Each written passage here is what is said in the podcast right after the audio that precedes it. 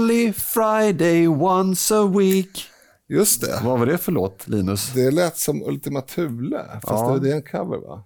Nej, Det, kanske vet, det vet inte jag. Den, var, den fanns... eh, Early de- years. Precis, Mm. precis. Eh, och eh, jag, eh, för er som eh, möjligen tror att jag ställer upp på vartenda ord som sägs i den låten, nej jag kan inte ens texten förutom det. Men du Eh, förstår den frasen. Ja, precis. Eh, så så det, det är bra. Men eh, eh, det är lite fredagsstämning trots att det är tisdag eftermiddag. Vi, har, vi har precis spelat in ett väldigt lyckat onsdagsavsnitt. Vi är ju har- bra på det här med, med fredagsstämning. På bordet framför mig har jag kaffe, sprit och snus. Mm. Det, tyvärr är det handsprit då, men... Och, och det kan, han kom på att han sätter på sig micken också. Ja, det är väl bra kanske om man ska höras. Ja. Ja. Du eh, gör som de gör på Stureplan, du vaskar spriten. Jag, jag har tagit handsprit här nu ganska många gånger helt i onödan. Ja. Det luktar så, det luktar, det luktar fredag. Ja, okej. Du tar det, vad, vad säger man om man tar genom näsan? Spruta intravenöst. Mm, ja, Du tar tar, man en- tar du det in tar- i en ven så är det intravenöst, annars är det subkutant. Ja, okej. Så du tar det jag vet inte vad det heter när man, extravenöst. när man tar det i nässlemhinnan. Extravenöst sa jag ju precis. Ja, ja allt som inte är med spruta in i en ven är extravenöst. Ja, Ja, precis. Han som eh, spekulerar på ena sidan heter Linus Bylund. Han är från Sverigedemokraterna. Jag som spekulerar på andra sidan heter Erik Dahlin. Jag är programledare och jag välkomnar även Dick Eriksson från Samtiden till detta fantastiska fredagsavsnitt. Hallå, hallå. Du välkomnar mig. Icke, ja, förlåt. Det var ri- riktigt. Eh, välkommen Linus. Välkommen. Välkommen Men- Erik. Tack så mycket. Och sist men inte minst, välkommen kära lyssnare. Idag är det fredagen den första maj. Det är ju en fantastisk dag. Ja, Alltså och, fredag menar jag. ja, precis. Och jag tänkte vi skulle ta tillfället i akt att prata lite grann om just första maj. Som är, jag, jag kan dra en liten anekdot. När jag konfirmerade mig så eh, skulle vi då gå igenom det här eh, muntliga provet i kyrkan och generalrepetitionen och då berättade eh, prästen Hans Rodin i Oscarskyrkan att eh, ja, det var... Eh, eller han fick frågan, vad, vad, vad händer om man svarar fel på en fråga? Ja, då eh, brukar jag inte göra så stor affär av det, eh, släta över. Men, men en gång så frågade jag en eh, konfirmand ifall hon kunde nämna en kristen högtid. Eh, och då sa hon första maj. Och då var jag faktiskt tvungen att förklara eh, att eh, nej, det är faktiskt den enda helgdagen som inte har kristen tradition. Just. Så där kan vi börja med. Vad, vad, har, vad grundar sig eh, att vi är lediga på första maj egentligen, Dick? Ja, om man tittar på historien så är det så att den andra socialistinternationalen 1889 i Paris bestämde sig för att ha en engångsdemonstration eh, internation- internationellt, alltså i många olika städer, den 1 maj 1890 för att eh, eh, kräva åtta timmars arbetsdag. Eh, och det var ju som sagt tänkt som en engångsdemonstration men, men sen så blev det väl så lyckat då att man eh, återupptog den här demonstrationsdagen kommande år och sen har det ju spritt sig över världen. Och eh, jag tänker mest på, och det, det är kanske en generationsfråga, eh, första maj då tänker jag alltid på eh, Moskva och, och Röda torget där med, med alla pansarvagnar eh, som, som glider fram tillsammans med de röda fanorna. Åh, och så underbart vackert. Är det så du tänker? Och stora robotar här, eh, som står där och så står då, eh, jag höll på att säga oligarkerna, men det är ju, var ju kommunistledarna som stod- stod på balkongen där och vinkade till trupperna. Det, det var första maj det. Ja, just det. Jag, jag ska också eh, flika in här, eh, som en, inte en rättelse, men ett förtydligande från mitt eget uttalande. Jag konfirmerade mig alltså på den tiden då den 6 juni inte var en helgdag. i Sverige. Just det. Just det. Men det där skulle du kunna spara till din rättelsepodd tycker jag. Ja, men nu, jag, jag har inte kommit igång med den så att, det är lika bra att jag rättar inom samma program. Konfirmerade du dig, eh, bara anekdotiskt, konfirmerade du dig för att få en moped eller vad var skälet? Eh, Du är inte särdeles kristen av dig. traditionsskäl. Så att jag, jag följer ju en kristen tradition. Jag firar ju jul och eh, påsk och så vidare. Jag firar inte ramadan faktiskt. Nej, men 15-årig Erik kan vara traditionsbunden. Eh, ja, eller så kanske det var att mina föräldrar eh, ansåg att det skulle vara det. Men man kan ju inte konfirmeras i efterhand på något sätt. Alltså det är ju, Nej, det är tåget har ju gått. Man kan ju inte komma som 41-åring Det och kan man säga säkert, tror du inte det? Hörru, jag skulle vilja anmäla mig till sommarens konfirmandläger. Nej, men jag tycker, eh, anledningen till att jag tar upp det är att jag är ju inte konfirmerad och det är av samma skäl som att jag har varit på ett antal första maj-tåg. I princip. Ja, berätta Linus. Jo, men eftersom mina föräldrar eh, tillämpade socialdemokratism så ingick det ju inte att vi skulle konfirmeras. Jag hade säkert fått det om jag, om jag tjatade om det, men det var inget som låg på bordet så att säga. Och det var inget jag heller hade lust med. Så jag är inte konfirmerad. Nej, det är ju inte jag heller. Mina föräldrar och en del av släkten var ju kommunister, så att, eh, Mm. det, det var ännu mindre aktuellt. Ja, det är man väl i Göteborg, höll jag på att säga. Eller var man väl i alla fall. ja, då var det väldigt mycket så. Ja. Mm. Weiron i ottan, till exempel. Men, men, ehm, nej men alltså, eh, historiskt här då. Det är alltså Marie Antoinettes fel egentligen. För det, det kan ju inte vara en slump att det var hundra år efter franska revolutionen som den första hölls, eller? Nej, men det, så är det. Har du smygläst på Wikipedia eller? Nej men eh, Dick eh, sa ju 1889 och, Bestämde man precis Ja. att, att det skulle köras. och då tänker jag, då är det, det är Marie Antoinettes fel. Ja, Ja, just det, för, för eh, andra socialistinternationalen hölls i Paris också. Mm. Så att, ja, precis. Man var ju något före på kontinenten med eh, eh, socialism och arbetarrättigheter och sådär. Ja, Eh, och man, man, man hade ju livet av sina kungar istället för att göra som vi gjorde. just det, reformera. Ja, precis. Men Jag tycker att vår modell var bättre i det fallet faktiskt. Men, men kan man säga så här då? Eh, första maj då kontra nu.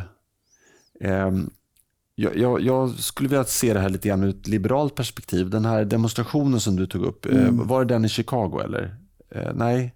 Nej, den var ju, alltså, det, det utlöstes ju så att det fick vara överallt då. Ja, för, för, för jag, jag läste om en demonstration eller en strejk i Chicago som eh, också på Wikipedia som då utmynnade i eh, tumult och eh, om det var tio döda och sådär. Och, och det, det var upprinnelsen till det, det var att arbetarna ville strejka för åtta timmars arbetsdag. Mm. Jo, det var nog innan det. Så det var nog Ja. eh, Gnistan som fick den där idén att tända att man skulle demonstrera eh, den första maj. Precis, och det, det här eventet tror jag ägde rum, eh, eller händelsen ägde rum tror jag den 4 maj, men då har man väl på något sätt kopplat ihop det till den första maj med andra händelser. Men i alla fall, och då tänker jag så här att, alltså, om man, om man nu tittar på det ur ett liberalt perspektiv, att strejka, alltså att inte gå till jobbet, det måste väl vara var och ens rättighet. Men det, då har ju också arbetsgivaren rätt att, att hålla inne lönen. Eh, så att det här liksom att eh, det skulle vara någon konflikt eh, mellan, eh, eh, vad ska jag säga, det, liksom, om, om man inte tycker att dagens regering är bra med de här partierna, då är man på något sätt antiliberal. Eh, och eh, nu ska jag försöka få ihop det här. Eh, Det kul. Ja, precis. Nej, men det är ju, det är ju så att säga, eh, idag tycker nog alla att det är självklart att man ska få strejka mot orimliga arbetskrav. Eh, Men samtidigt, man kan ju vara för det, men samtidigt emot socialister som demonstrerar på första maj. Alltså jag menar, på den tiden fanns det ju en relevans, även om man har en, en liberal livsåskådning och en borgerlig livsåskådning, så kan man tycka att ja, men det är väl helt okej att, man får de, att man får strejka för åtta timmars arbetsdag eller sex timmars arbetsdag eller vad man nu vill. Mm, alltså strejk är ju, strejk är ju liksom eh, vapnet man har att ta till i förhandlingar.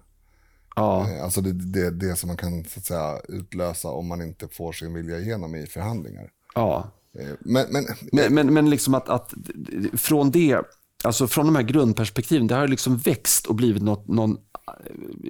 Men så är det med Ja. alla sådana här rörelser. Alltså det, det, finns ju, det finns ju till exempel, om vi tittar på antirasism.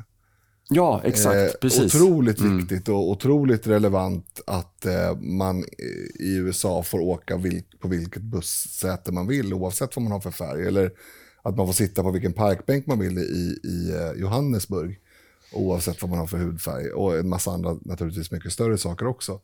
Men, men en, en kamp slutar, eller vi kan ta Pride. Eh, jag har sagt det Ja, många, många gånger att jag gärna går i ett Pride-tåg, men då ska det vara i Belgrad. Eller i liksom Minsk. Där, det, finns, där, det finns, där det är modigt att göra det. Där det är en protest mot, någon, mot någonting som faktiskt existerar. Där det inte bara är att visa hur god man är. Ja, och får jag avbryta, otroligt bra inlägg eh, Linus, därför att det är samma sak, ja, absolut, gå ett första maj-tåg i samband med de här demonstrationerna där, där det dog folk. Liksom. Då står Ja. man ju upp för arbetare. Ja, det var det jag skulle komma Ja. till. Att, att, eh, Strejkerna var ju en sak, men den, eh, den här första maj var ju en politisk manifestation. Att visa enhet och sammanhållning när man var just utsatt för stort motstånd så att säga i, i sina krav. Och, och, för om man tittar tillbaks eh, hundra år i tiden så då liknar ju Socialdemokraternas framväxt liknar ju en del Sverigedemokraternas hundra år senare. Alltså Socialdemokraterna var ju väldigt motarbetade av dåtidens etablissemang. Eh, inte minst då i riksdagen. Jag, jag, jag kollade just eh, eh i, under den här långa regeringsbildningsperioden hösten 18 eh, eh, hur det var hundra år tidigare. Och, och då var det ju så inför eh, regeringsbildningen eh, 1917 så, så vägrade eh, kungen och regeringen att tala med Hjalmar Branting som var den tredje kraften som vuxit fram i riksdagen då mellan borgerliga, eller mellan höger och liberaler som var de två stora. Höger och liberalerna var de två stora partierna och så kom Socialdemokraterna, började komma in. Eh, eller vad heter det, Hjalmar Branting kom in på en liberal lista eh, eh tidigt. Eh, men sen blev det ju en riksdagsgrupp då under, under 10 1910-talet då och en maktfaktor som gjorde att det blev svårare att bilda regering utan att ta hänsyn till dem. Men då har vi så paralleller, det har vi gjort tidigare. Ja, exakt. Det, ville. det gick att dra väldigt lika parallell, eh, paralleller. Liksom att att eh, Hjalmar Branting ansågs vara eh, eh, opolitlig och extremistisk och precis allting som sägs om Sverigedemokraterna eh, eh, av etablissemanget idag sades om Hjalmar Branting för hundra år sedan. Eh, och, och, och man ville stoppa och hindra och inte prata med. Och, och, och detta har jag läst eh, exakta formuleringar utav Johan Widén hette han som var talman i andra kammaren i riksdagen då. Han var högerliberal. Så han hade, han hade gått eh, renommé hos alla grupper så han kunde eh, lirka med både den, den, konservativa regeringen och eh, andra kammaren högern. Och det fanns ju mera olika maktcentrum då och, och inte minst då kungen som utsåg statsminister. Mm. Och eh, Johan Wedin skriver sina eh, väldigt intressanta dagböcker. De är mycket bättre än Tage Erlander tycker jag. För han eh, hade ett löpande språk och inte bara Erlander hade ju liksom enskilda noteringar i meningar så här. Det är jävligt jobbigt att läsa. Medan eh, Johan Widén skrev eh, en liten uppsats om varje dag.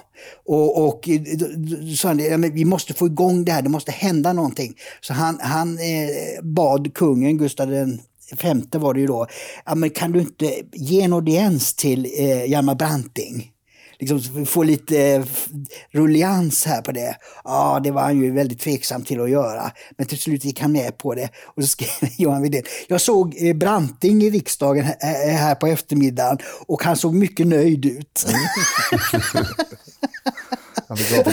Kom, grejer, liksom, eh, och, och det var ju därför att Socialdemokraterna var en ny maktfaktor och därför utsatt för alla etablissemangstryck. eh, mot. Och då, och då blir det ju naturligt på den tiden att, att ha en demonstration en, en dag eh, i alla städer. Alltså, det, då visar man ju hur stora och starka man, man är. Så, så eh, på den tiden så var det ju första maj. naturligtvis jättebra för, för den inre sammanhållningen i partiet. Ja, precis. precis. Det, det, den funktionen finns väl kvar, eh, skulle jag säga.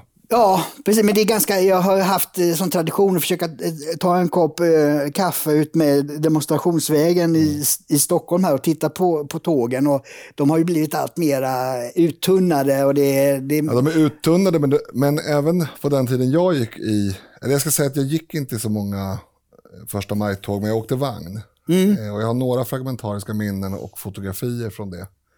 Men, men då, då var det ju alltså redan då, alltså vi pratar före Palme dog, eh, eftersom jag kommer ihåg att jag, att jag såg Palme någon gång. Eh, då var det alltså, det var ju floskler. Ja. Ehm, och det är det fortfarande. Och det, och det var kanske inte floskler på, på 1920-talet. Nej, då, då hade det en funktion. Men att ha ett plakat där det står solidaritet eller refugees welcome eller något annat blaj på. Och när man själv sitter i regering. När man det själv sitter i regering. Ja, Att men demonstrera måste- mot sig själv ja. är ju ganska Det är absurt. så otroligt fånigt. Och, det är, och i, I de kommuner där Socialdemokraterna är starkast, där är också tåget störst. Mm.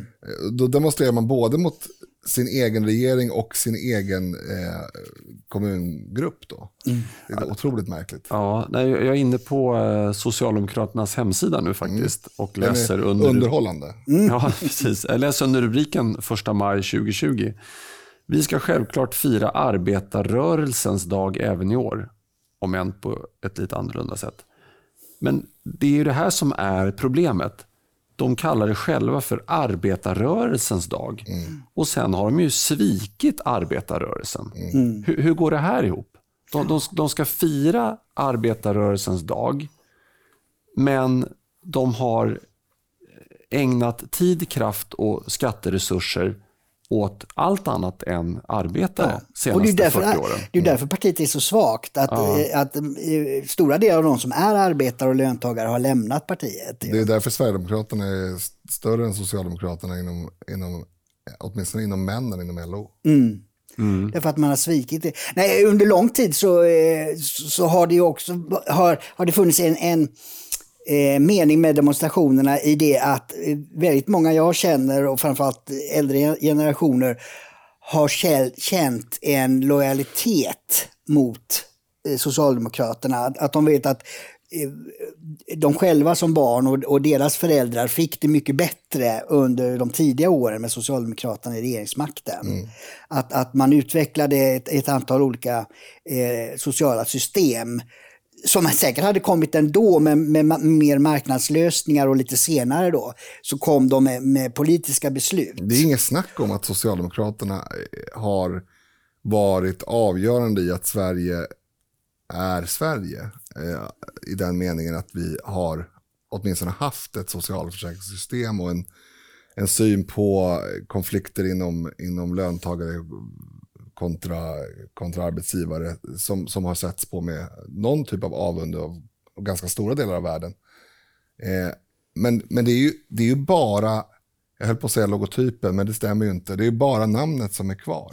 Ja, det är det som är så eh, alltså med det- det- historiska traditioner som urvattnas. För att nu finns ju inte heller de människorna som eh, upplevde att socialdemokratiskt fattade politiska beslut innebar ett bättre liv. De finns ju inte heller kvar Nej. så att säga. Så att nu är det bara eh, en manifestation över dåtiden, Mm. det, det som har varit. Men styrkan, Socialdemokraternas styrka har ju under, framförallt eh, vad jag vet i alla fall, under 70-talet och framåt varit, och ännu mer idag kanske, den här eh, ganska stora toleransen mellan olika fraktioner. Eller ganska stora bredden ska jag säga. Och som i sin tur då kräver en viss tolerans för att överhuvudtaget finnas.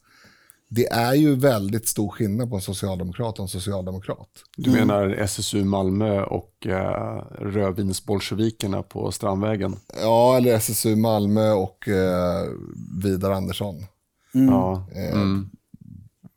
Eller vad, vad det nu vill ta. Alltså, man kan kalla sig socialdemokrat, eller två personer kan kalla sig socialdemokrat, men de har i princip inget gemensamt. Mina föräldrar var ju sådana. Min mamma är inte död, så jag ska inte säga var. Men, men kontra varandra eh, så var ju pappa var ju, var ju vad jag skulle kalla för blå arbetskraft på svenska. Alltså blue labor. Alltså konservativ, eh, men alltså so- socialkonservativ egentligen, alltså som Sverigedemokraterna är. Ehm, Medan mamma var mer Mona Sahlin-sosse. Alltså det var mycket liberalt och det var kvinnofrågor som kunde ta hur stora proportioner som helst utan att någon ryckte, lyfte på ögonbrynen och sådär.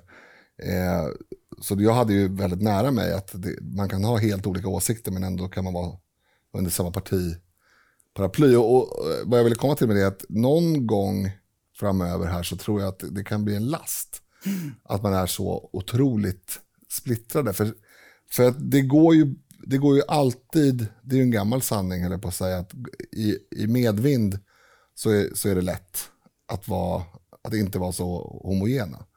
Men i motvind så är det, kan det vara väldigt problematiskt. Att, att, alltså i, en, i ett krympande parti ska jag säga. Ja.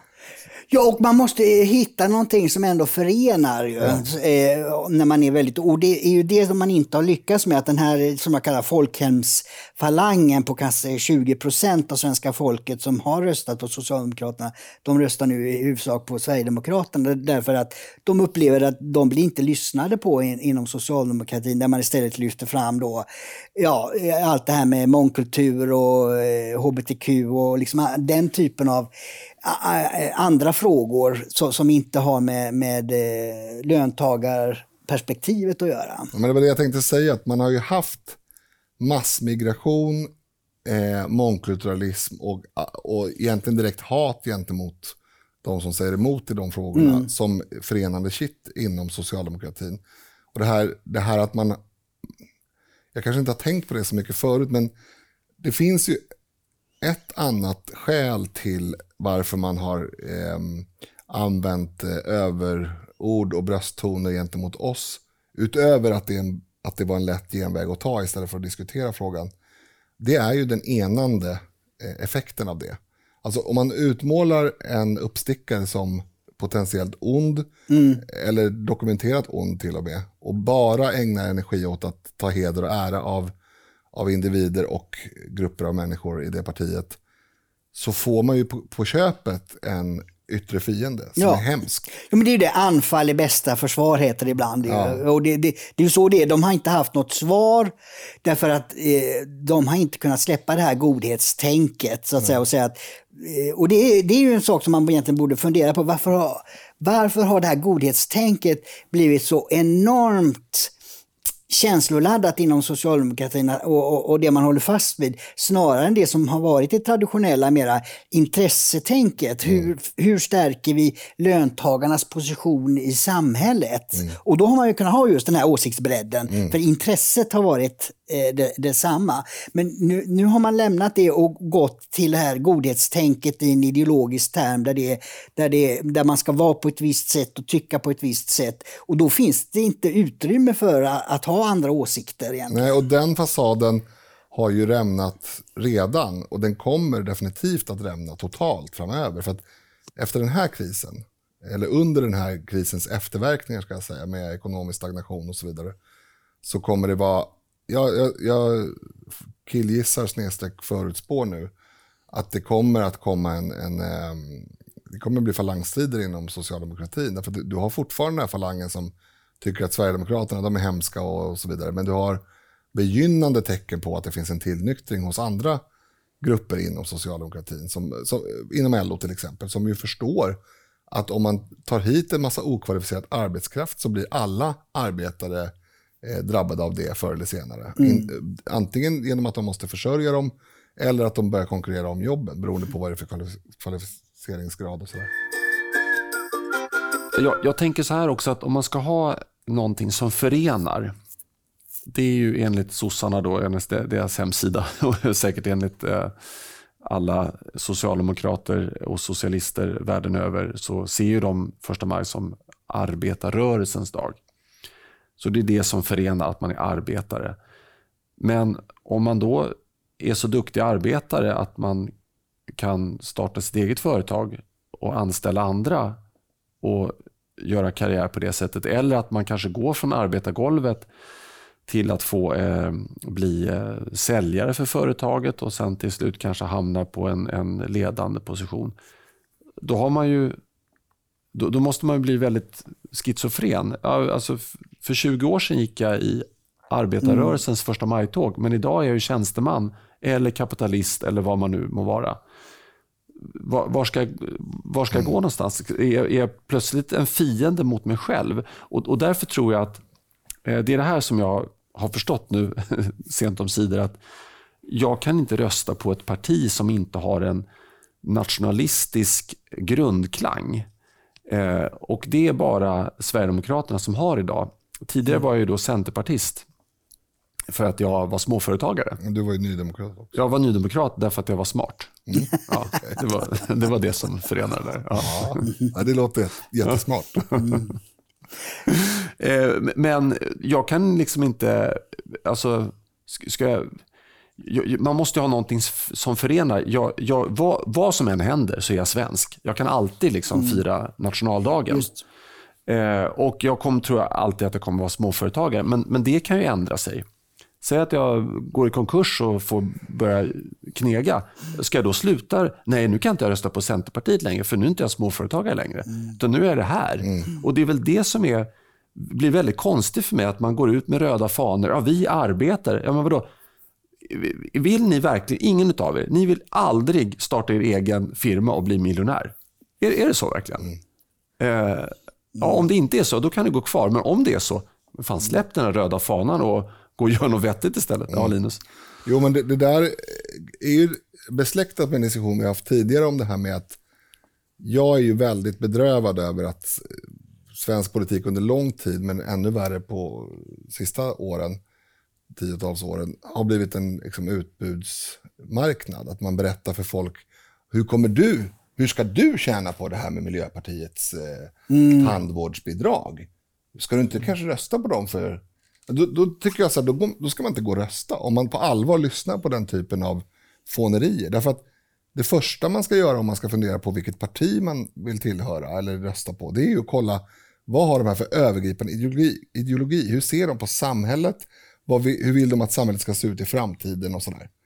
Det här liksom bud, budgetutspelen inför valen, det är ju bara, det måste man ju förstå. Alltså, vi har internet, folk är väl det... Jag, jag, tycker, jag, jag, har sagt det tidigare, vi ska inte införa något eh, eh, prov för att man ska få rösta, för det, det vore problematiskt av andra skäl. Men fan att så många röstar som inte har en aning om vad de röstar på. Ja. Nej, men alltså, jag, jag tror eh, Erik, det du var inne på, det är ju att, att klassamhället har lösts upp. Liksom gränsen mellan eh, arbetare och tjänstemän, det var därför jag sa löntagare. Mm.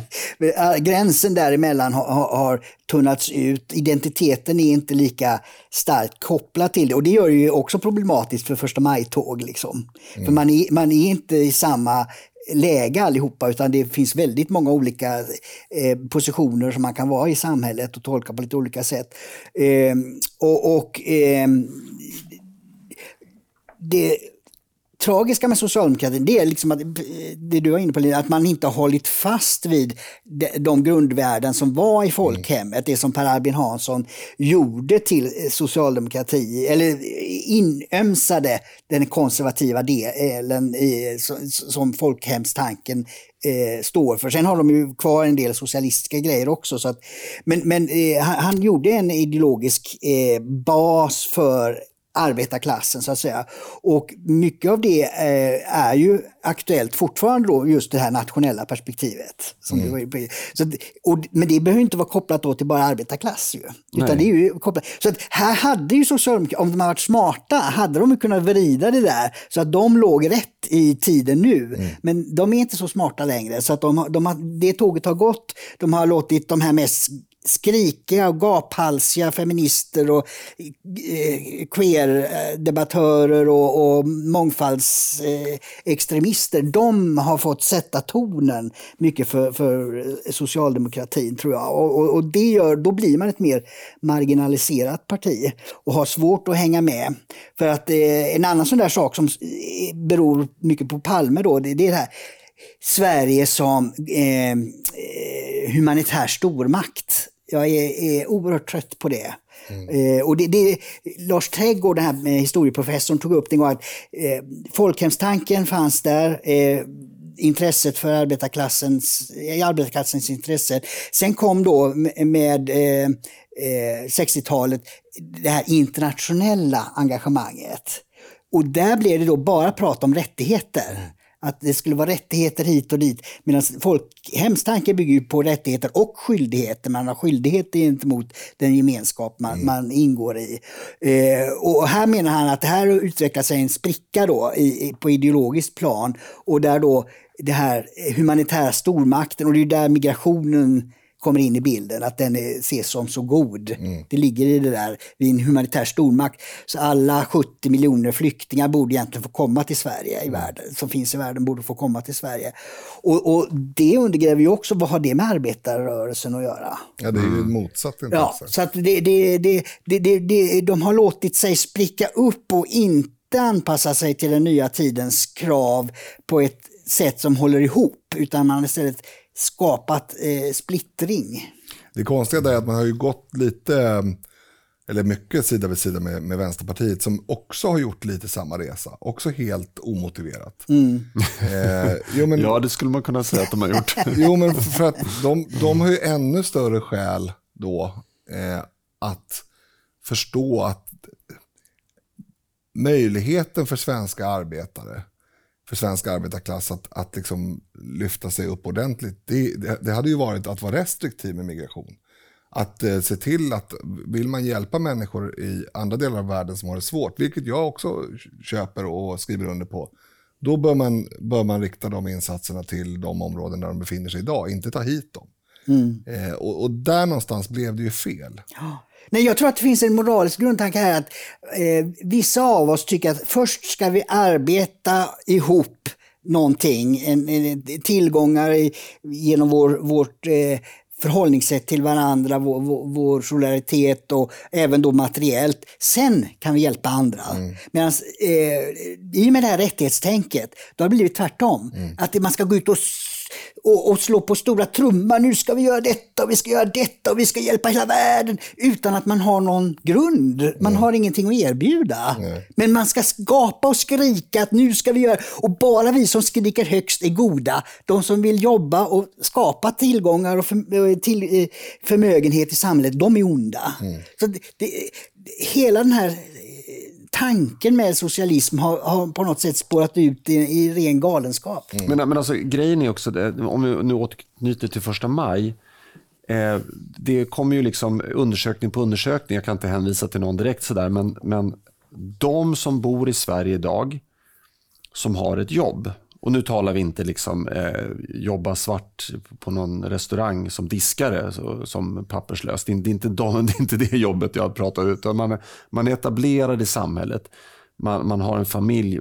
Båda, både eh, mamman och pappan så att säga, har jobb, fast anställning. De har det ganska bra ställt idag. Eh, och de, de, har, de har liksom en... en eh, eh de, de, har aldrig haft så bra som de har nu. Mm. Eh, och vad då är det de som ska gå i, de här, i det här första majtåget och demonstrera mot vad då? Det är ju de som är arbetare så det mm. måste ju rimligen vara det. Ja, mot vad då? Mot exakt mot vad då? Mm. Undrar jag. Mm. Eh, det, det, utan jag tror det här är något sorts, det handlar om någon sorts maktdemonstration från Socialdemokraterna och likasinnade på, på vänsterkanten. De, de vill bara samla ihop en massa människor. Men det skulle vara väldigt intressant. Vilka går i det här, i det här tåget?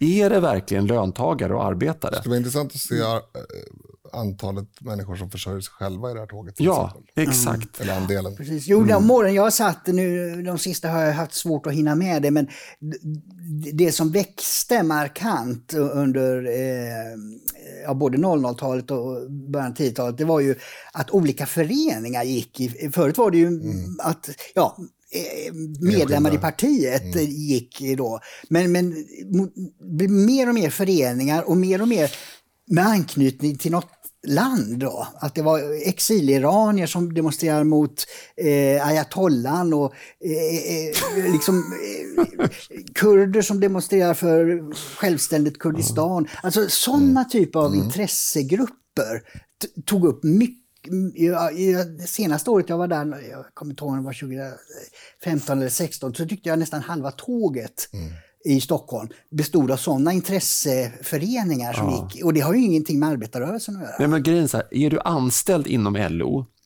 eh, eller inom Hyresgästföreningen eller vad det nu må vara. Jag tror att det finns ett otroligt stort socialt tryck, om inte liksom ett juridiskt tryck mot att, det, jag skulle inte förvåna mig om det står liksom i anställningskontraktet, du ska närvara vid första maj-tåget. Så långt tror jag inte att de har gått, men, men ett socialt. Jag killgissar bara. Ja. Men i så fall var det nog bara anställda som, för det, det var inte långt, det, det, senaste tåget jag såg i Stockholm. Nej, och, och det är så här, men återigen, om du, om du är arbetarklass idag, men du har en anställning, vad ska du demonstrera för? Mm. Ska du demonstrera för högre skatter? Mm. Eh, nej, snarare tvärtom tror jag. Mm. Faktiskt. Eh, och, och liksom, det, Men det, de det har liksom ju haft svårt att ja. rekrytera till...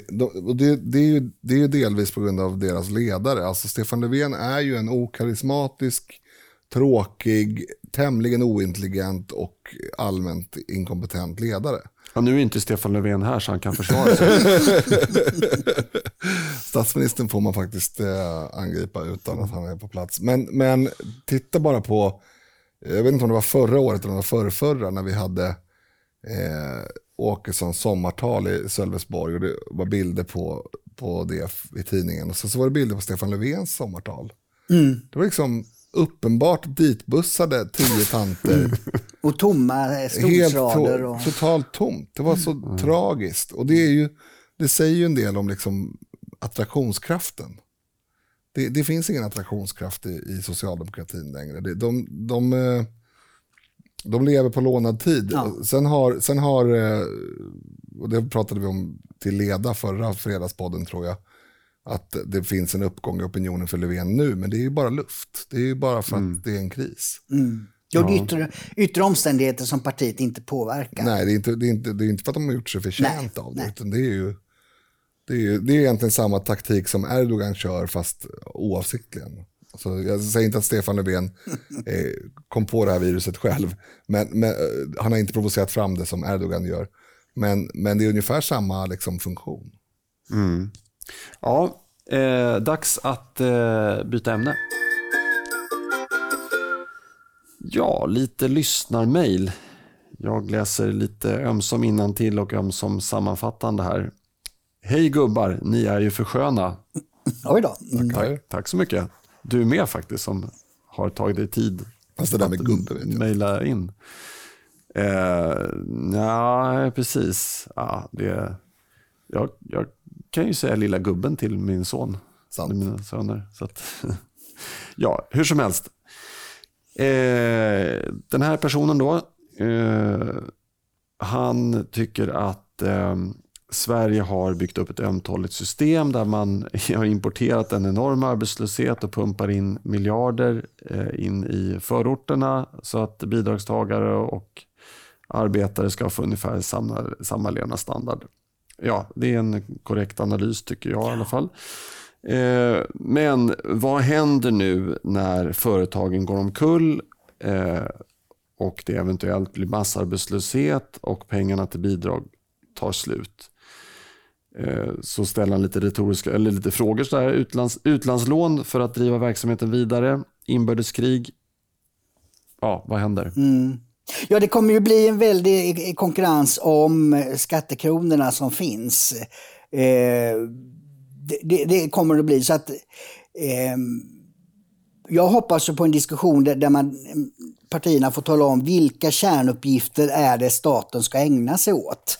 Och eh, då kommer ju Sverigedemokraterna ha det bästa läget genom att säga att det är att ge eh, trygghet och, service åt medborgarna. Mm. Och all, alla andra kostnader som inte har med medborgarna att göra, de måste avvecklas först.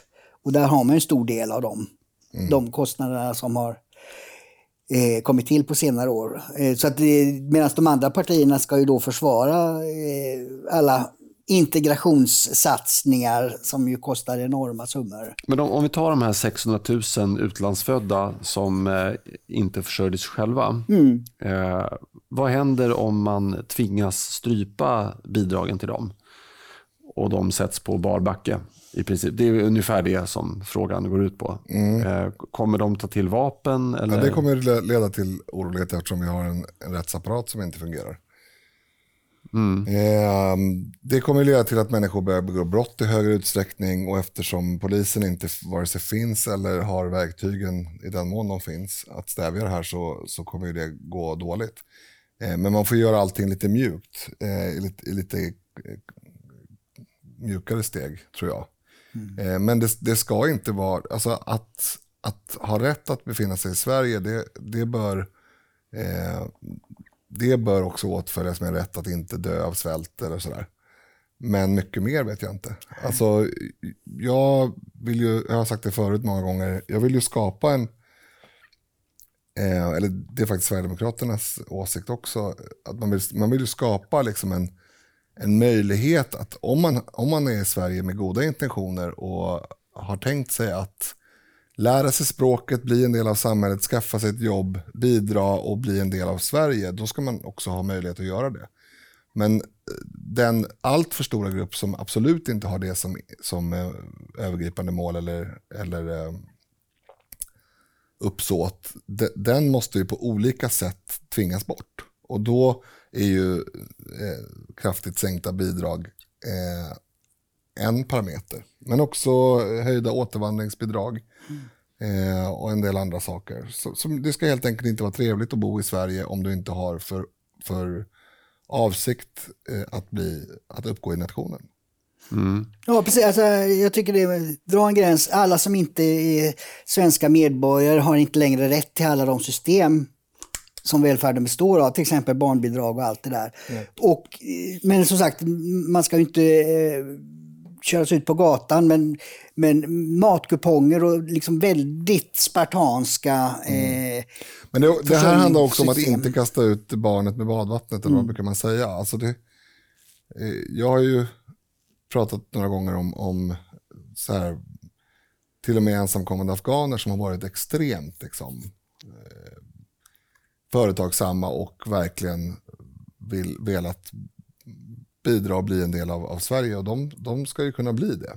Eh, så man måste ju, måste ju balansera det här på ett, på ett bra sätt. Men eh, jag tror att det är ett, ett, effektivt sätt att som sagt skapa en miljö som gör att det inte är särskilt trevligt att leva i det här mellanläget. Alltså mellanläget mellan att inte ens befinna sig i Sverige och att vara medborgare.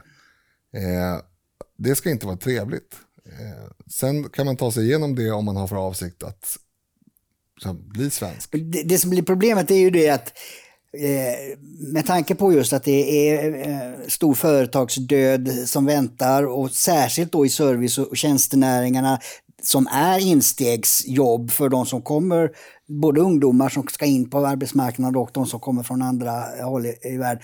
Eh, så, så kommer det bli väldigt svårt att se vilka är det som egentligen vill komma in. För alla, alla säger ju, nej men vi ska lära oss svenska, vi, nej, men, fast, men de menar det inte utan de... Nej men min poäng är ju att om, om mellanläget inte är särskilt trevligt, du kan inte gå och dra benen efter det utan du vet att det här är en ekonomiskt och på andra sätt eh, tärande tid i mitt liv. Jag behöver lära mig svenska fort, jag behöver skaffa mig antingen ett jobb eller en riktig utbildning. Eh, alla som inte då har den intentionen att skaffa sig... Men hur, hur vet du det? Ja, det märker du ju. Nej, för att SFI är under all kritik. Jag har hört... Nej, eh, SFI, SFI är under all kritik därför att man låter människor göra lite som de vill. Ja. Det är såklart att man inte ska göra det. Precis, det är det man kommer att då måste man också se till att skärpa upp de här systemen. För det är bara jag upplever att mycket är bara eh, eh, ett spel för eh, vad heter det, för kulisser. Mm. Gallerierna. Ja, mm. gallerierna, just det, så heter det. alltså, man bara säger de här sakerna, men fast, man menar inte. Fast det finns en, en, det finns en, vill jag påstå, ganska stor grupp eh, migranter som, som lever i en ganska, väldigt segregerad och ganska inom citationstecken skyddad värld där man inte lär sig svenska på liksom, i princip generationer. Där man kan prata sitt, sitt språk med alla sina grannar. Där man får pengar från staten per barn och av andra skäl mm. varje månad och så vidare. Om man, om man ruckar upp de strukturerna så att det, det, är helt enkelt inte ekonomiskt intressant att bo i Sverige utan att göra rätt för sig. Så kan man väl säga. Mm. Eh, då, då är inte det något problem för mig om, om folk gör rätt för sig och stannar kvar. Nej, nej, nej. nej. Eh, och om du kombinerar det med återvandringsbidrag och eh, arbetslösheten i Sverige blir ännu högre och vi får ekonomiska problem, ja då är det helt plötsligt kanske inte så intressant att vara i Sverige. Det är inte på grund av vädret som de är här. nej, men jag upplever att, eh, och det, det har ju utvecklats under eh, ja, de här 20-30 åren, det är väldigt mycket charader i, svensk eh, offentlighet. Det är det, där man säger rätt saker men aldrig gör det. Mm. Utan man, man har de här charaderna och så sen så lyfter man bidragen. Och, och det där, med, där måste ju då politiken också eh, se till att förändra systemen så att det hela tiden är ett kravställande och en, en utvärdering och en konsekvens. Där man hela tiden ser att, att eh, det är personer som vill eh, göra rätt för sig. Och då håller jag helt Men det med. är att man ser, man, grejen att man ser ju det, om någon gör rätt för sig och inte eh, lyfter bidrag så lyfter den ju inte bidrag. Ja, men om de inte har något jobb, då, då måste de ju försörjas på något sätt. Alltså det, Ja, och då, och då menar jag att, och det var det jag var inne på tidigare, då menar jag att vi bör ha, och det, är partiets, det har partiet lanserat som idé tidigare, att alla eh, normala delar av socialförsäkringen, eh, där måste man vara medborgare för att kvalificera Mm, sig. Ja. Det är barnbidrag och det är en massa andra saker. Ja. Sen har man, som vi har idag, ett eh, socialbidrag eller kommunalt försörjningsstöd som det heter. Det Men det behöver man inte jobba för att få. Behovspröv Det är Nej, men det är bara behovsprövat. Eh, och där finns det ett förslag från partiet från, eh, det var nog något år sedan vi, vi lanserade det. Det är att ha ett eh, behovsprövat bidrag som gör att barn slipper gå hungriga eller utan medicin eller tak över huvudet och sådär. Mm. Och, och, och vuxna får, får mat på bordet och, och, och Ja, men vä- tak vänta över huvudet och så vidare. Men inte mer. Alltså, socialbidraget idag innefattar tidningsprenumeration, internetabonnemang och en massa andra saker. Ja, ja, det, det Sånt ska det, naturligtvis inte det det finnas. Behovsprövat betyder ju att Behovsprövat betyder ju att du får, och då, där, där kan man inne på till exempel matkupongsbiten. Mm. Idag är det väldigt lätt att via ett plastkort se till att en familj har mat utan att de kan köpa något annat för de pengarna. Därför att det finns ett antal varor laddade på det här kortet och så vidare. och Så vidare. Ehm, Så det går ju att göra bidragssystem som inte gör att folk går omkring och har massa och, även för, fickpengar. och även för dem ska man ju jobba. Jag, jag vet inte hur det jag, jag, jag var ju med i, i Timbros projekt som Eijo Rojas genomförde i slutet på 90-talet och början på 00-talet. Det som ledde fram till Folkpartiets krav på språkkrav och det där som gjorde att de steg med 9% det valet. Eh, och en av de under utredningarna vi gjorde då handlade om, om nya initiativ i Danmark som alltså förekom för 20 år sedan nu då. Och det var det att Vissa kommuner hade redan börjat, eftersom det blev tillåtet i dansk lag, att de betalade inte ut några socialbidrag utan att man kom till eh, ett aktivitetskontor. Och eh, där fick, kunde få eh, parkarbete för dagen eller, eller någonting annat. Och man skulle vara där klockan åtta.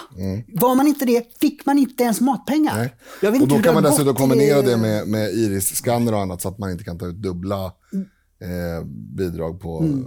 Och det, det är liksom som, alltså, godhetsvänstern fattar inte detta. Att jag är, det låter som jag är ond när jag säger det här. De ska inte ha något om de inte är där klockan något. Men det beror ju på att ska man ha en acceptans för Mm. ett, ett socialsystem, en, den här solidariteten med de som inte eh, har nå- något jobb, då måste de som jobbar och betalar skatt veta att pengarna används Mm. på ett effektivt och vettigt sätt. Va? Och det är det här vänstern och inte ens liberaler fattar idag. De, att bara om vi ställer krav på de som får ut pengar ur systemet kan vi få de som betalar in att acceptera att betala in. Ja, men 100 procent. Det- det- jag tycker det är så Grejen är att det, det är märkligt det som är min det- grundpoäng här egentligen. Att idag är det så slappt och så otroligt märkligt uppbyggt. Så att egentligen behöver man bara justera tillbaka systemet till sunt förnuft. Mm. Så kommer det inte längre att vara attraktivt för stora grupper i alla fall Mm. att befinna sig i Sverige. Och det är de grupperna som, som tar mest resurser. Men, men om jag nu ska återknyta lite grann till frågan. Hans fråga är ju så här, ja vad händer då? då? Kommer det bli inbördeskrig? För att jag menar, vi har ju kanske vi har fler hundratusen människor i Sverige som eh, kanske inte har någon lojalitet med, eh, med svenskar och med, med svenska staten. Eh, och som också lever, män som lever på bidrag. Man har ingen mm. lojalitet mot, med staten, men man lever på staten. Ja. Eh, och om man, helt, eller om man liksom, antingen helt plötsligt eller om man skulle trappa ner bidragen, eh, vad skulle hända då? Skulle de, ja, jag det, tror mm. att om man är så tydlig som jag var nu och mm. som jag eh, Sverigedemokraterna kanske är det mer inlindat, mm. men man är inte det så rak som jag är nu. Men eh, om man vore det, då tror jag att man skulle kunna få fler i de här förorterna att förstå vad vi gör och varför och mm. därmed inte eh, bli förnärmade och, och kränkta och allt det. För om man är snäll och försöker linda in det här beskedet, då kommer de människorna att bli så förbannade att då kan de ta till vapen. Mm, alltså man bli, måste förstå psykologin det kommer bli i alla fall, i det här. Det kommer finnas människor på andra politiska flanker som planterar en massa eh, mumbo jumbo och fake news eh, för att få igång reaktioner. Så det kommer, det kommer bli Jo, jo, det kommer det finnas. Men ju, ju, rakare och tydligare man är i, i sin politik och vad man vill uppnå och också talar om det, även om det kan upplevas som eh, där, eh, auktoritärt eller disciplinärt eller vad man nu vill, vill kalla det. Om man har tänkt igenom det och står för det och så kör ut det och säger det här är, och syftet är ju gott, det vill säga mm. vi vill att de som jobbar ska fortsätta att betala skatt. För det blir ju annars konsekvensen om förorterna börjar eh, råna och, och, och eh, härja, begå ströv, vad heter det, rövartåg så att säga in mot mm. eh, de bättre områdena så att säga. Då kommer ju ingen att vilja betala skatt. Nej. Så att om man vill upprätthålla eh, eh, kärnan i, i välfärden, då måste man ju vidta de här åtgärderna. Mm. Och det tror jag, är man tydlig, rak eh, eh om det här, då tror jag att man kan få både de som jobbar och de här människorna som är, är, har fått alldeles för mycket bidrag och, och kommer få minskade bidrag att förstå vad det är som händer och varför. Och då, det är min uppfattning om, om mänskligheten, att om man förstår och accepterar att ja, men det där är ju faktiskt sant, då minskar eh, konfrontationsgraden. Mm, ja, men det håller jag med om. Jag tror dock inte att det är lika lätt att kommunicera det som, som, som du har kommunicerat nu. Men, men det återstår väl att se. Men min poäng är i alla fall att eh, man måste bygga ett system som inte går in och tittar på individ och frågar vad de tycker. Utan det ska helt enkelt vara så att man, om man befinner sig i Sverige så gör man det för att uppgå i nationen. Annars så kan man få en slant för att köpa nya möbler i Raqqa eller vad man nu tänker flytta tillbaka till. Som avslutning så eh, skulle jag vilja säga det att eh, om man vill undvika inbördeskrig så måste man eh, bygga fler fritidsgårdar i förorten. Vi har fått ett mejl från en person som jobbar inom reklambranschen kan man säga. Och eh, han eh, menar väl på det att eh, vi har antytt någon gång att eh, det kanske kan vara så att det finns um, en övervikt, en överrepresentation av eh, vissa härkomster, bakgrunder inom, ja, i reklamfilmer, i... Eh, jag, jag, kan bara... Jag, jag, kan inte riktigt eh, komma på att vi har diskuterat det här. Nej, jag kan inte heller komma på det. Men, men, alltså eh, personer som agerar i filmerna, ja, skådespelarna? Ja, precis. Okay. Mm. Jag, jag, jag, kan ta ett exempel. Jag, men, men det här det är helt annat. Jag har börjat läsa en, en eh, barnbok eh, för ett av mitt yngsta barn. Och då beskriver, det är en, en, en flicka som börjar skolan och Då har man då medvetet satt ihop typ 50-50 med mörkhyade kontra ljushyade. Okay. Och eh, Jag är människa så att jag har en, en, automatisk reflex över att se hur, hur folk ser ut. Eh, så att jag noterade bara det här. Jag la inte någon direkt värdering i det. Men, men mer än att jag direkt ändå tänker att det, det här måste ju författaren vilja förmedla ett budskap. Att mm det här är en normal svensk skola. Det är lika mycket invandrare som eh, ja, mm. Eh, etniska svenskar, som Fredrik Reinfeldt skulle sagt. Eh, och eh, Så kan det också vara, kan jag uppleva ibland eh, i program i Sveriges Television. eh, kanske Sommarlov till exempel. Barnkanalen. Barnkanalen och sådär att man, att man medvetet då har en överrepresentation för att, för att visa att ja, men det är fullständigt normalt att det är liksom 80% mörkhyade i, i en studio i Sverige. Eh, för det är så det ser ut i samhället. Eller kan se ut ungefär. Eh, och han beskriver i alla fall den här processen att eh, normalt så får ett, en Brevskrivaren nu. brevskrivaren, ja precis, tack. Eh, så får eh, eh, någon i uppdrag att kasta eh, folk och då står det ofta så här Vad heter kanske. kasta på svenska? Ja, eh, söka efter. Eh, Mm, jag vet inte. eh, Provfilm. prov, ja, precis. Eh, ta fram personer för... för, för Uppsättning av skådespelare. Ja, precis. Exakt. Och det är ofta det, det, den här personen som mejlar in håller på med reklamfilm. Då. Så att det, kan- det kan till exempel vara, ja men vi söker en eh, skäggig man i 40-årsåldern. Liksom. Eh, och då tar man fram då kanske tio kandidater och sen är det någon på något an, i någon annan eh, position i den här processen som fr- frågar till. Det kan till exempel vara eh, den person som ska fixa frisyrerna. Så här, skicka ett mejl. Ja, jag vill bara veta vad är det för att jag typ ska köpa in rätt sorts gelé. Är det mycket eh, mörk mörkhåriga som kräver liksom eh, starkare gelé? Eller är det liksom... Jaha, de har Ja. svårt att kommunicera. Ja, men, men då, då, då, det kanske det Eller börjar är det liksom... Erik som inte behöver någon gelé alls? Ja, precis. Exakt. Nej, men det, det kanske börjar som en liten fråga som är fullt naturlig och inte lägger någon värdering. Och, och Då har den här frågan ställts i den här processen. Och Då kommer den upp till högst beslutande. Så, ja, men hur mycket, vad har ni tänkt er liksom i för eh, förhållande mellan eh, eh, de med svenskt utseende och de med utländskt utseende? Och Då blir den personen nervös. Ja. Och så här, ja, det ska självklart vara lika. Så att någonting som har börjat i en process där man kanske har en eller två med utländskt utseende, som det av naturliga skäl blir, det är liksom ett tvärsnitt av befolkningen, så blir det liksom helt plötsligt att nej, men vi ska självklart ha 50-50. Eh, och då upplevs det på ett visst sätt då i, i, i rutan. Vad, vad är frågan? eh, Om Nej, det, det är var bara eller? att eh, Det var lite inside info kopplat till lite frågor. Eller? Ja, hur, hur, hur, det går, hur det går till här. Eh, Men vad vi tycker om det eller? Ja, nja, ja, det är ju jag som frågar i så fall. Eh, Jag tycker det blir konstigt ibland Mm. när jag har sett reklamfilmer där det, där, där det är en uppenbar kärnfamilj. Mm. Och så är mamma, pappa och två barn blonda och så sitter det en, en eh, som ser ut att vara från Afrika där. Det kan ju vara adopterad i och för sig. Men Jo, det kan det ju vara, men det, det, det, i naturliga situationer eh, så, så spelar det ju mindre roll. Men det jag mer har tänkt på, det, det är när det gäller sådana här filmkanaler som More och via Play, så lyfter man numera i, i bilderna inför filmerna man ska klicka på, alltid upp de kvinnliga eh, rolldeltagarna. Så att ofta, ofta så ser jag inte, man vill ju veta vem de kända skådespelarna är. Det är ju en viss kvalitetsbedömning i liksom, vad är det för filmer de ställer upp i.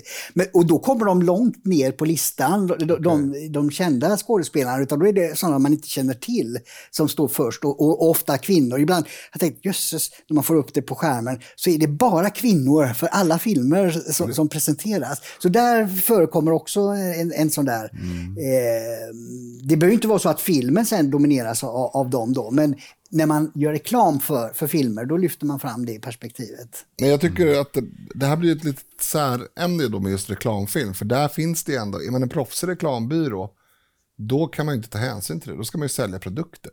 Punkt. Det är ens enda jobb jo, jo, men du, du eh, lyssnade på... eh, Jag kanske var för dålig Ja, på det att lät, förklara. det, jag uppfattar det som att Ja. man, man, man av ängslighet väljer. Ja. Ja, exakt. Jo, men vi har ju Ikea, de- fick väldigt kritik för att i deras broschyr Ja, det. så var det så få eh, andra än vita med.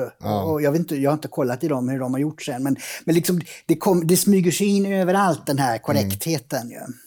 Ja, och det var ju, på tal om Ikea, där gjorde de väl en, en annan katalog för arabvärlden, va? Ja, just det. Det vill inte vara kvinnor med. Och, Just det, det var så det började. Ja. Just det, att man plockade bort eh, kvinnor där. Ja. Ja, och eh, det är ju ett, jag menar, det är väl två sidor av samma mynt det här. Att man i arabvärlden uttryckligen säger det får inte vara några kvinnor utan slöja med i katalogen. Medan man i Sverige då eh, mer har ett socialt tryck mot mm. att det får inte vara för mycket att, att katalogen avspeglar ett, ett, ett eh, homogent Svenskt land här. Va? Utan det, för Nej, det men något, ofta, alltså, ja. det, jag har inga problem med det. Det tycker jag det är väl sunt. Om det är 100 pers att liksom 10-15 är uppenbart av annan etnisk börd. Men det är oftast att det är tvärtom. Alltså att barnprogramsledarna är, liksom, om det är tio stycken så är nio stycken uppenbart migranter. Ja, just det. Eh, ja, det är programledare också numera. Ja, alltså ja. Det, det är sådana saker som jag, jag, jag har inga problem om man speglar samhället. Det är väl bara bra. Jag tror att det är sunt också för både integration och acceptans och sådär. Eh, jag, jag, jag, vill absolut inte leva i en värld där, där man liksom ser konstigt på människor med mörk hy till exempel. Men, nej, nej, men ska, att, men, men att skeva åt andra hållet, det är ju det som är det ja, och jag, i, jag. I grunden tycker jag det, det ska ju vara kompetens som ska, som ska avgöra. Ja, ja. Men det, det, det, har ju på något sätt Men jag tror inte att kompetens spelar så stor roll för en IKEA-katalog. Nej, nej, det gör det alltså inte. Det... Då är det utseende. Men jag tänker på programledare och sådana där grejer. Mm.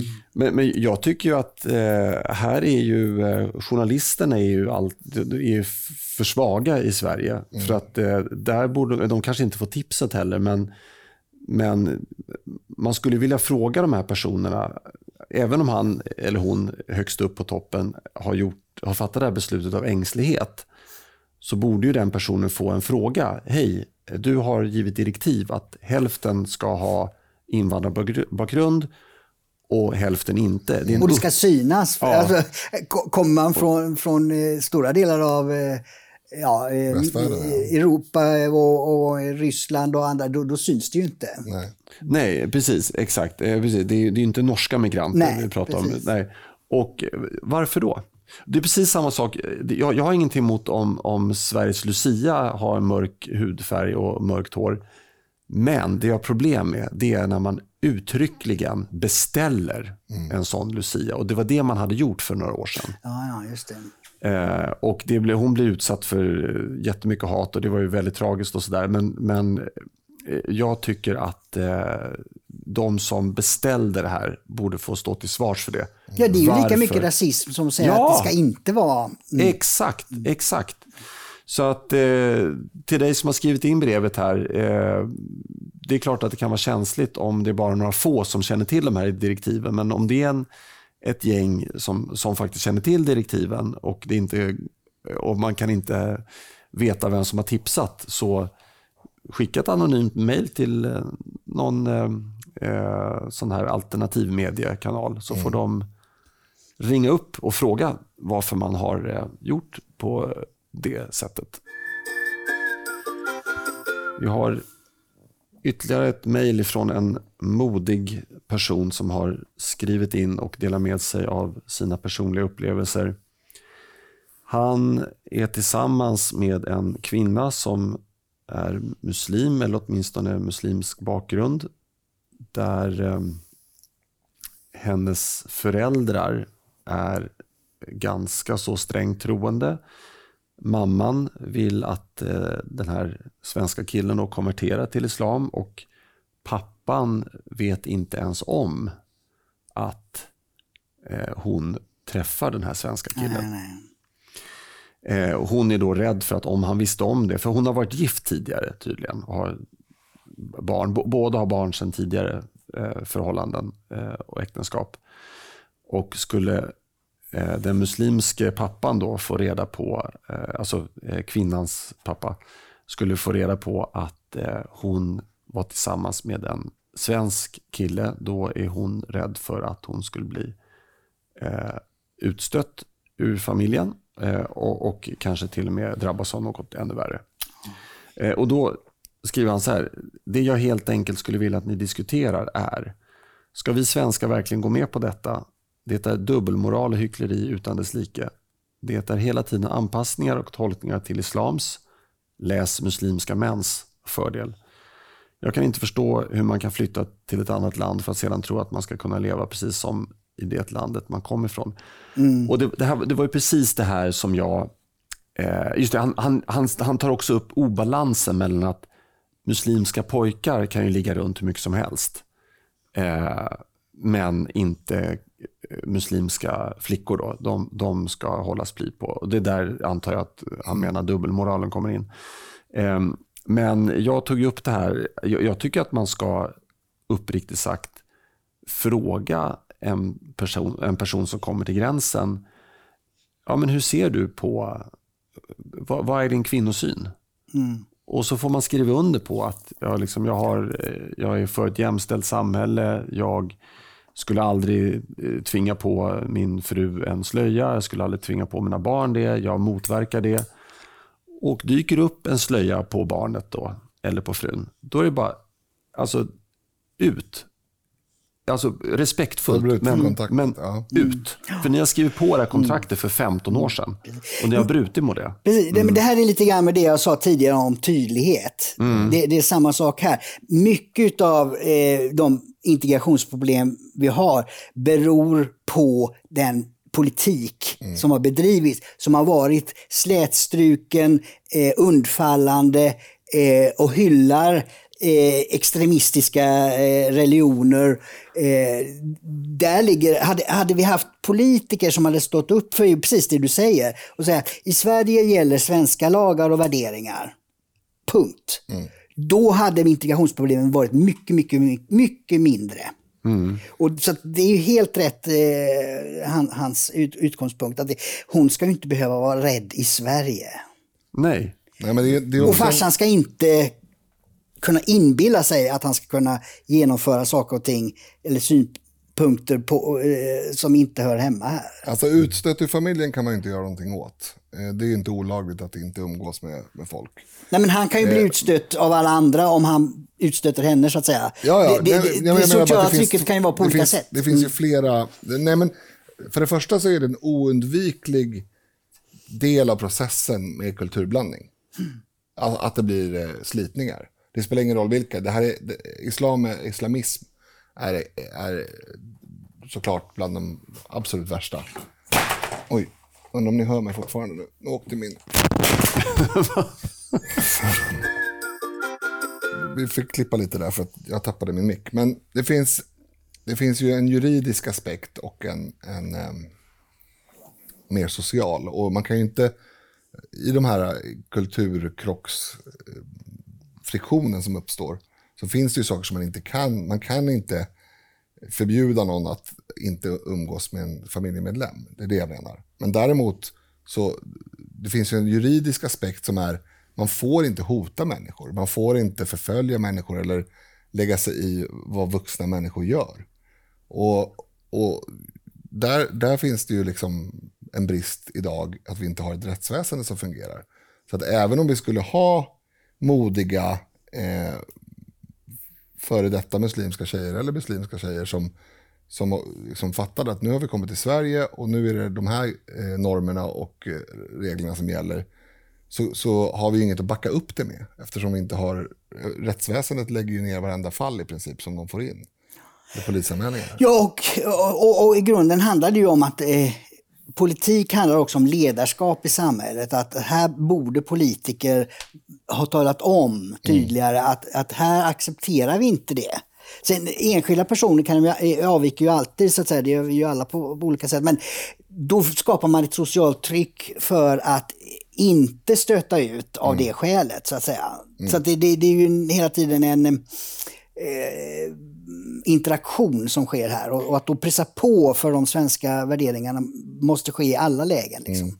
Men sen så, jag menar att man skulle kunna kriminalisera den här uh, idén om att, att gå omkring och berätta att islam står över svensk lagstiftning. För att om inte jag har förstått det hela fel så får jag till exempel inte sätta upp en skylt på min tomtgräns där det står att bakom den här skylten så gäller Bylundsk, Bylundska lagar. Ja, det gäller Bylundska lagar. Det får man inte göra. Det är kriminellt att ens göra, vad jag förstår. Mm. Att säga att här gäller inte svensk lag.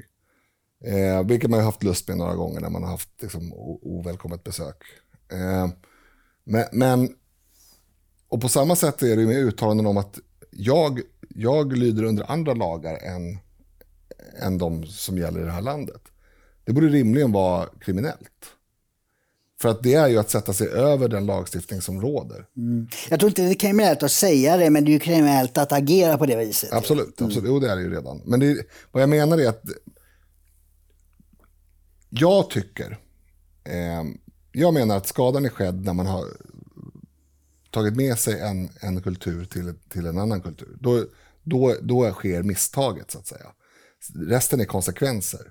Och en konsekvens är att de här kvinnorna, ibland männen för övrigt, ska mm. vi vara tydliga med, måste gå i frontlinjen för det här. Det är ingen annan som kan göra det åt dem. Men från lagstiftningens sida, från Sveriges sida, så måste man backa upp och det, det saknas idag.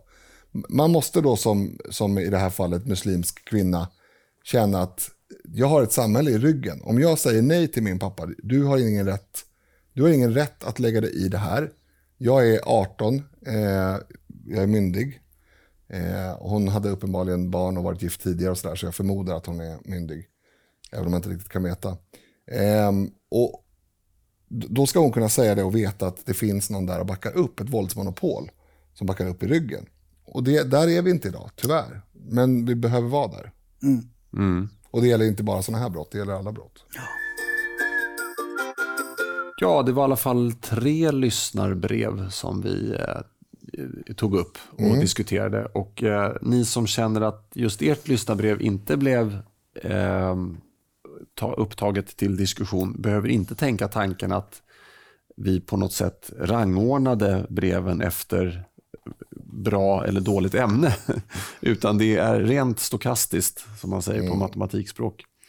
Eh, vi, eh, ja, eh, visst, det, det är en del mejl som var glada tillrop och sådär. Och de, mm. det är ju kanske lite onödigt att diskutera sånt mejl. Sen är det så att vi är ju inte, vi, vi, är ju också lata som alla andra. Om vi har ett ämne, om vi, om vi får in ett ämne som vi engageras av och tycker är intressant så blir det lättare att vi, det blir lättare för oss att diskutera det. Ja, precis. Och sen så kan det väl vara vissa så tekniska ämnen. Det var någon som skrev in och tyckte att C-vitamin var en bra bot mot coronaviruset. Och vi, det, det ligger utanför mitt kompetensområde i alla fall. Ja, jag skulle kunna gissa att det inte stämmer, men det är en annan sak. Ja, ja det är ju ingen vetenskaplig podd. Nej, precis. Exakt. Eh, men ja, eh, lyssnar ni på detta under första maj så eh, Eh, är det bara att gratulera. Då har ni avstått från att eh, gå i alla fall eh, dryga timmen i någon socialistisk aktivitet. Man kan hinna med båda om man är lagd åt det ehm, Ja, men ni kanske lyssnar på det här vid något annat tillfälle och det går naturligtvis lika bra. Men, mm. ja, jo det gör det, precis. Och det går också väldigt bra att tipsa andra om att lyssna på det här programmet och andra program. Och då kan man eh, säga det till någon i verkliga livet. Eh, som man stöter på kanske i eh, kassan till ICA. Mm, viska lite, ja, exakt. Eller så kan man ställa sig med... Tvåmetersregel är det nu. Det är tvåmetersregel, ja precis. Man kan ställa sig på valfritt torg med en megafon mm. och ropa ut till alla som passerar.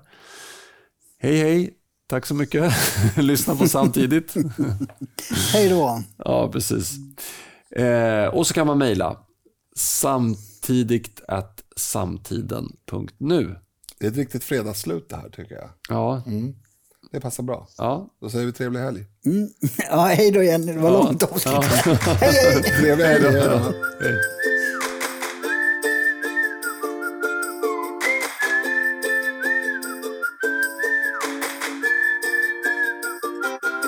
Jo, men då säger... På nudiststranden sa du? Ja, du spelar inte in nu va? Jo. Ja, men det ska vi inte göra. är det var den för? Ja, jo. Men vad, vad, är, vad är det Benke står och äter där borta? Är det majs? Nej, jag tror att det är Brittas.